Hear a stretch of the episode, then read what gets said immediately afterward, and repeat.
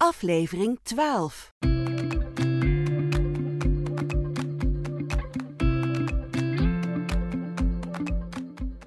Dit is een podcast van Advocaten, Familie en Erfrecht met Inge Diepman en Joost Dix. Welkom bij de vierde aflevering van serie 2 van De Erfrechtadvocaat. Dat is een serie over alle ins en outs rondom de erfenis. In de eerste serie stond de meest gestelde vraag centraal. In deze serie gaan we uit van een casus. En die wordt besproken en van wijze raad voorzien door meester Joost Dix. Specialist familie- en erfrecht, partner bij Advocaten Familie- en Erfrecht. Dat is gevestigd in Eindhoven en ook in de provincies Utrecht en Limburg. Wat een leuke titel. Moet ik mij eh, persoonlijk eh, aangesproken voelen? Erfgenamen op herexamen. Dat is heel lang geleden voor mijzelf. Vond wel heel leuk. Ja, is echt heel erg leuk gevonden. Ja. Uh, nou ja, we gaan op herexamen naar het zuiver aanvaarden van de erfenis. Welke casus heb je meegenomen, Joost? Ja, moeder Nicole, die heeft een, heeft een rijschool. Dat me ook een beetje aan herexamen denken. Um, en die heeft een rijschool in Amsterdam. Moeder, moeder Nicole komt te overlijden. En de kinderen aanvaarden de nalatenschap zuiver. En ze komen er toch al vrij snel achter dat er heel veel schulden zijn. Ze schrikken daar natuurlijk van. En voornamelijk bij een leasemaatschappij. Er zijn ook nog belastingsschulden. Haar moeder heeft nooit zoveel belasting betaald in, uh, in de onderneming. En er zijn zelfs zoveel schulden dat die bij lange na niet uit de nalatenschap kunnen worden betaald. Ja, en die kinderen die dreigen dus zelf voor die schulden op te draaien. En het liefst zouden ze nog beneficiair willen aanvaarden, dat ze niet voor die schulden kunnen hoeven op te draaien. Maar ja, kan dat? Wat is de les die we uit deze casus kunnen trekken? En hoe loopt deze casus af? Dat horen we in deze aflevering van de Erfrechtadvocaat.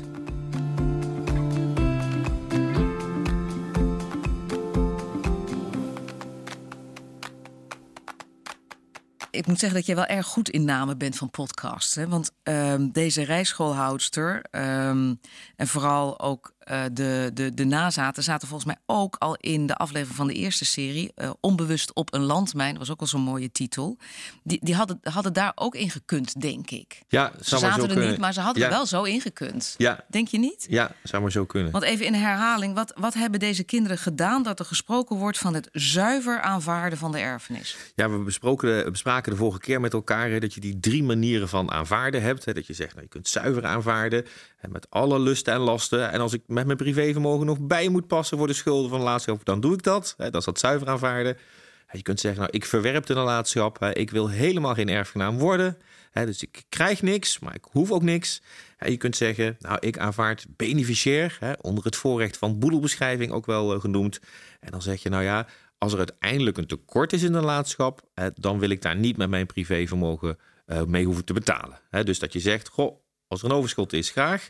Maar is er uiteindelijk in totale tijd een, uh, een tekort, dan ben ik niet met mijn privévermogen aansprakelijk. Ja, dat is de meest logische keuze. Maar blijkbaar, ook in dit geval, is uh, dat toch niet voor iedereen heel helder. Dat dat de meest veilige manier van aanvaarden is. Nee, dat klopt. En je hebt ook niet altijd meer de kans om beneficiair te aanvaarden. Hè? We hebben het met elkaar over gehad. Goh, dan ga je naar de griffie van de rechtbank. Leg je verklaring beneficiaire aanvaarding af. En mag je tegenwoordig ook allemaal opsturen hè, naar de rechtbank. Maar als je daarvoor al zuiver aanvaard hebt, hè, dan kun je niet meer beneficiair aanvaarden. En waar zit nou net uh, de toestand, zal ik maar zeggen, is dat je zuiver kunt aanvaarden zonder dat je het misschien zelf in de gaten hebt, namelijk door te gaan handelen. He, dus als je aan spulletjes gaat zitten van de nalatenschap, als je aan geld gaat zitten van de nalatenschap, dan zegt de wet, ja, dan heb je je als zuiver aanvaard hebbende erfgenaam gedragen. Dus als deze kinderen zouden hebben gezegd, die auto met die L bovenop, als we die nou gelijk even verkopen, uh, dan hebben we wat cash. En uh, kunnen we uh, het een en ander daarmee al afbetalen of kunnen we wat gaan doen? Zuiver aanvaard, ja. En binnen welk termijn moet je zuiver of beneficiair aanvaarden? Daar zit geen termijn op. Maar het algemene regeltje is, als je eenmaal een keus gemaakt hebt, is die in beginsel niet meer terug te draaien. Is het ook zo dat soms de ene, misschien is dat in dit, nou in dit geval is dat niet geweest, maar, uh, maar de, ene nazaat zegt uh, zuiver aanvaarden, kom op. En uh, de andere beneficiair, of komt ja, dat niet voor? Ja, de wet zegt iedereen heeft zijn eigen keuze. Ja, dus dat kan. Dat kan ook. Ja. Maar dat is in dit geval niet zo gebeurd. Dus er, er zijn er uh, een aantal die bij elkaar hebben gezeten en die zich helemaal rotgeschrokken zijn van alles wat uh, boven tafel is gekomen. nog heel even voor de duidelijkheid in dit geval: er is geen andere ouder nee. in het spel. Nee. nee. De kinderen zijn de erfgenaam van moeder. Ja. er is geen testament of wel een testament? Geen testament. Dan zit je daar aan tafel. Ik zie ze zitten. Met het hoofd in de handen. Want al die schulden duiken ineens uit die boekhouding uh, naar boven. Uh, die boekhouding die ze dus blijkbaar nog nooit hebben ingezien. Moeder heeft er ook nooit iets uh, over verteld. en iemand vertelt hen, denk ik, of ze komen er zelf achter, dat zij dan zelf aansprakelijk worden gesteld voor die schulden. Ja, als je dan rond die tafel zit, wat moet je dan doen? Ja, dan uh, denk ik misschien een borrelbak of zo. maar dan heb je wel een, uh, dan heb je wel een probleem. Hè? Want uh, ik zei net, ja, het hoofdregeltje is... als je eenmaal die keuze hebt gemaakt hè, van zuiver aanvaarden... dan is daar niets meer aan te redden. Maar de wet geeft toch een paar kleine uitzonderingetjes. Ja, één, die speelt hier niet. Hè?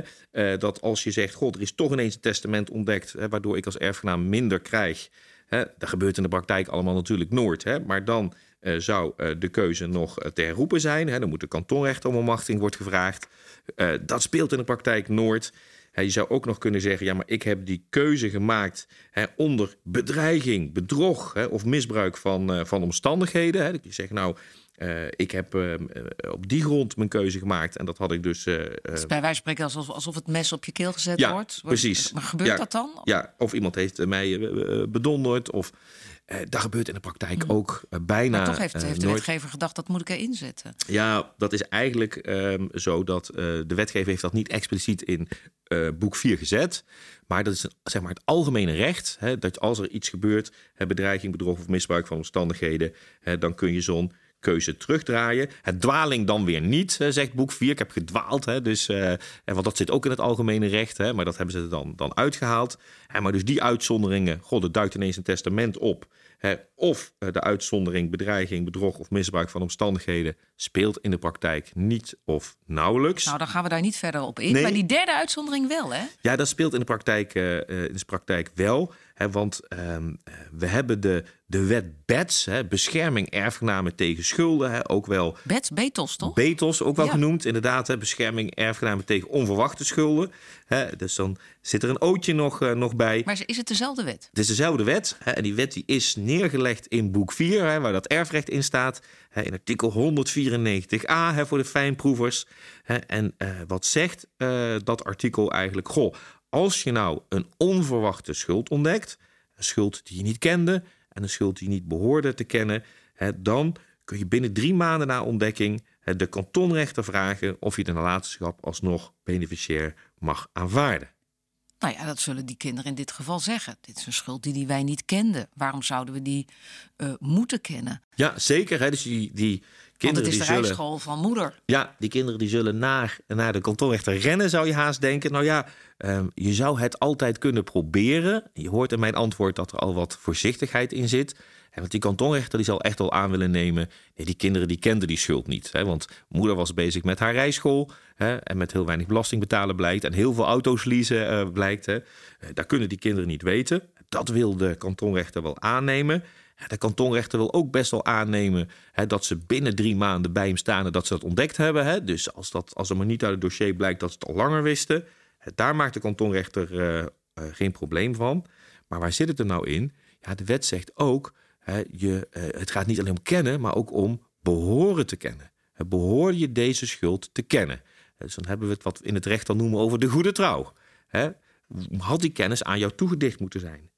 Ja, en als we dan gaan naar hoe zou die casus hier aflopen voor die kinderen, ja, dan is het vervelende nieuws dat dat waarschijnlijk niet goed zal aflopen, omdat de kantonrechter zegt, ja, u wist het misschien niet, maar u hoorde het te weten. Maar waarom, waarom vindt de kantonrechter dat je dat hoort te weten? Want je hebt het over uh, aparte huishoudens. Klopt, maar de kantonrechter zegt, ja, maar voordat u die keuze maakte van het zuiver aanvaarden, hè, dat hebben ze hier misschien per ongeluk gedaan, of misschien hebben ze dat hier expliciet gedaan, had u toch zelf in die administratie maar eens moeten kijken.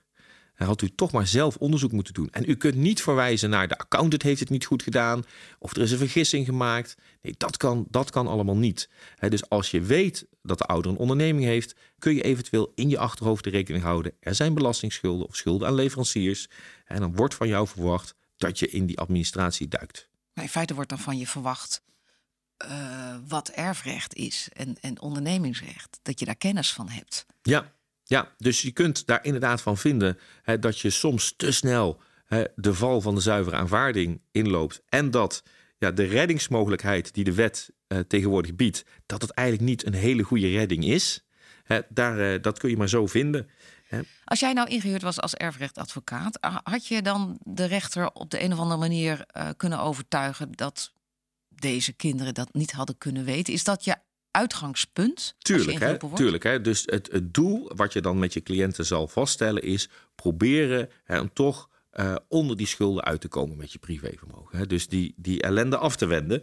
Uh, en dan moet je dus naar argumenten gaan zoeken waarom de kinderen het ook niet hadden behoren te kennen. En uit de jurisprudentie hè, zien we daar voorbeelden. Hè, bijvoorbeeld dat iemand ooit eens meegetekend heeft voor een lening en die echt niet uit de administratie kon blijken. Hè, of dat er ineens een schuld opduikt uh, nou, die, dat, dat was onmogelijk om te weten. Uh, daar, uh, daar moet, je het, uh, moet je het dan maar van wat, hebben. Wat voor schulden zijn dat dan? Waar, waarvan de rechter zegt: nee, dit had, je de, dit had je inderdaad niet kunnen weten.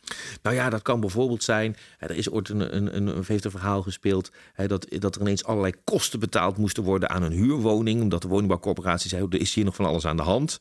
Ja, daarvan zei ja, die konden die erfgenamen niet weten dat dat op hun afkwam.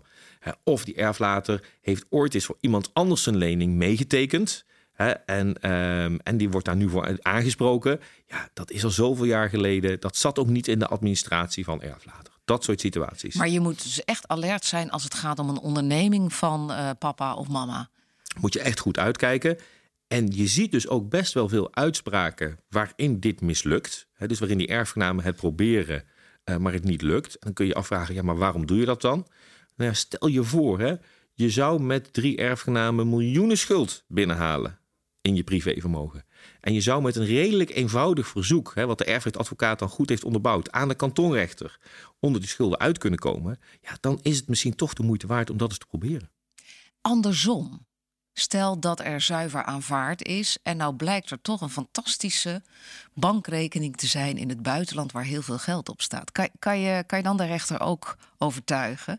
Ja, de situatie die hij bedoelt is dat er verworpen is. Hè? Dus niet zuiver verworpen. Ja, dus je zegt, verworpen. ik wil er niks mee te maken ja. hebben. Hè, vader is een armoedzaaier. Ja, want als je zuiver maar... aanvaardt, dan komt vanzelf dat geld wel naar je ja, toe. Ja, dan komt het naar je toe. Maar als, als je zegt, ik verwerp het. Ja, en, dat je, en, en, en hun vader is een armoedzaaier en het bleek toch niet zo te zijn. Hè, die had ineens uh, miljoenen. Nee, daar biedt de wet uh, geen mogelijkheid voor, geen rechtsgrondslag. Uh, dus dat is niet meer te herstellen. en dat zal de rechter dan ook zeggen. en Joost, nog even één vraag voordat je naar je wijze raad gaat. Als deze kinderen nou minderjarig waren geweest... of een van de Een van het stel was minderjarig geweest. Loopt het dan anders bij de rechter? Ja, zeker. Want gelukkig, en dan komen we misschien helemaal niet bij de rechter. Gelukkig denkt de wetgever altijd goed aan minderjarigen. Want wat zegt die wetgever? Een minderjarige kan helemaal niet zuiver aanvaarden. Ja, dus dat is al heel mooi. Dat kan helemaal niet. Een minderjarige aanvaardt, als er niks gebeurt binnen drie maanden, automatisch beneficiair. Het zit automatisch in het veilige systeem. En als de wettelijke vertegenwoordiger van de minderjarige zou willen verwerpen voor de minderjarige, ja, dan moet je eerst naar de kantonrechter, want die moet daar dan toestemming voor geven. Dus uh, je kunt niet zomaar uh, een nalatenschap door de neus boren van de minderjarige. Dan moet je naar de kantonrechter en die gaat daar eerst naar kijken. Je kunt nooit met privévermogen aanspraak worden, nooit zuiver aanvaarden door de minderjarige. dus de minderjarige zit eigenlijk in de meeste gevallen in het veilige systeem van de beneficiaire aanvaarding. Tot slot, je wijze raad. Aan het einde van deze aflevering, meester Joost. De wijze raad die je hier kunt geven is natuurlijk... aanvaard niet zomaar een nalatenschap zuiver. En weet dan ook dat je dus ook door, door handelen die nalatenschap zuiver kunt aanvaarden. En als het dan toch gebeurd is en je ontdekt een voor jou onverwachte schuld, ja, dan is het echt racen naar die erfrechtadvocaat. Hè, om, uh, we hebben maar korte tijd, hè, maar die drie maandjes. Uh, en dan om samen met de erfrechtadvocaat te gaan kijken uh, of het zinvol zou zijn om de rechter te verzoeken de nalatenschap alsnog beneficiair te mogen aanvaarden. Het was weer een genot om naar je te luisteren, Joost. Dank je wel. Voor wie niet uh, alleen wil luisteren, maar ook wil lezen over dit onderwerp... ga naar familie-erfrecht.nl, de website van Advocaten Familie en Erfrecht van Joost. Daar is ook alle informatie te vinden over het inschakelen van een erfrechtadvocaat. Mocht u willen reageren op deze podcast, vinden we leuk, moet je doen.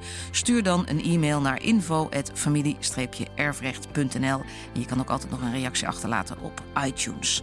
Onze volgende aflevering gaat over de boedelbeschrijving.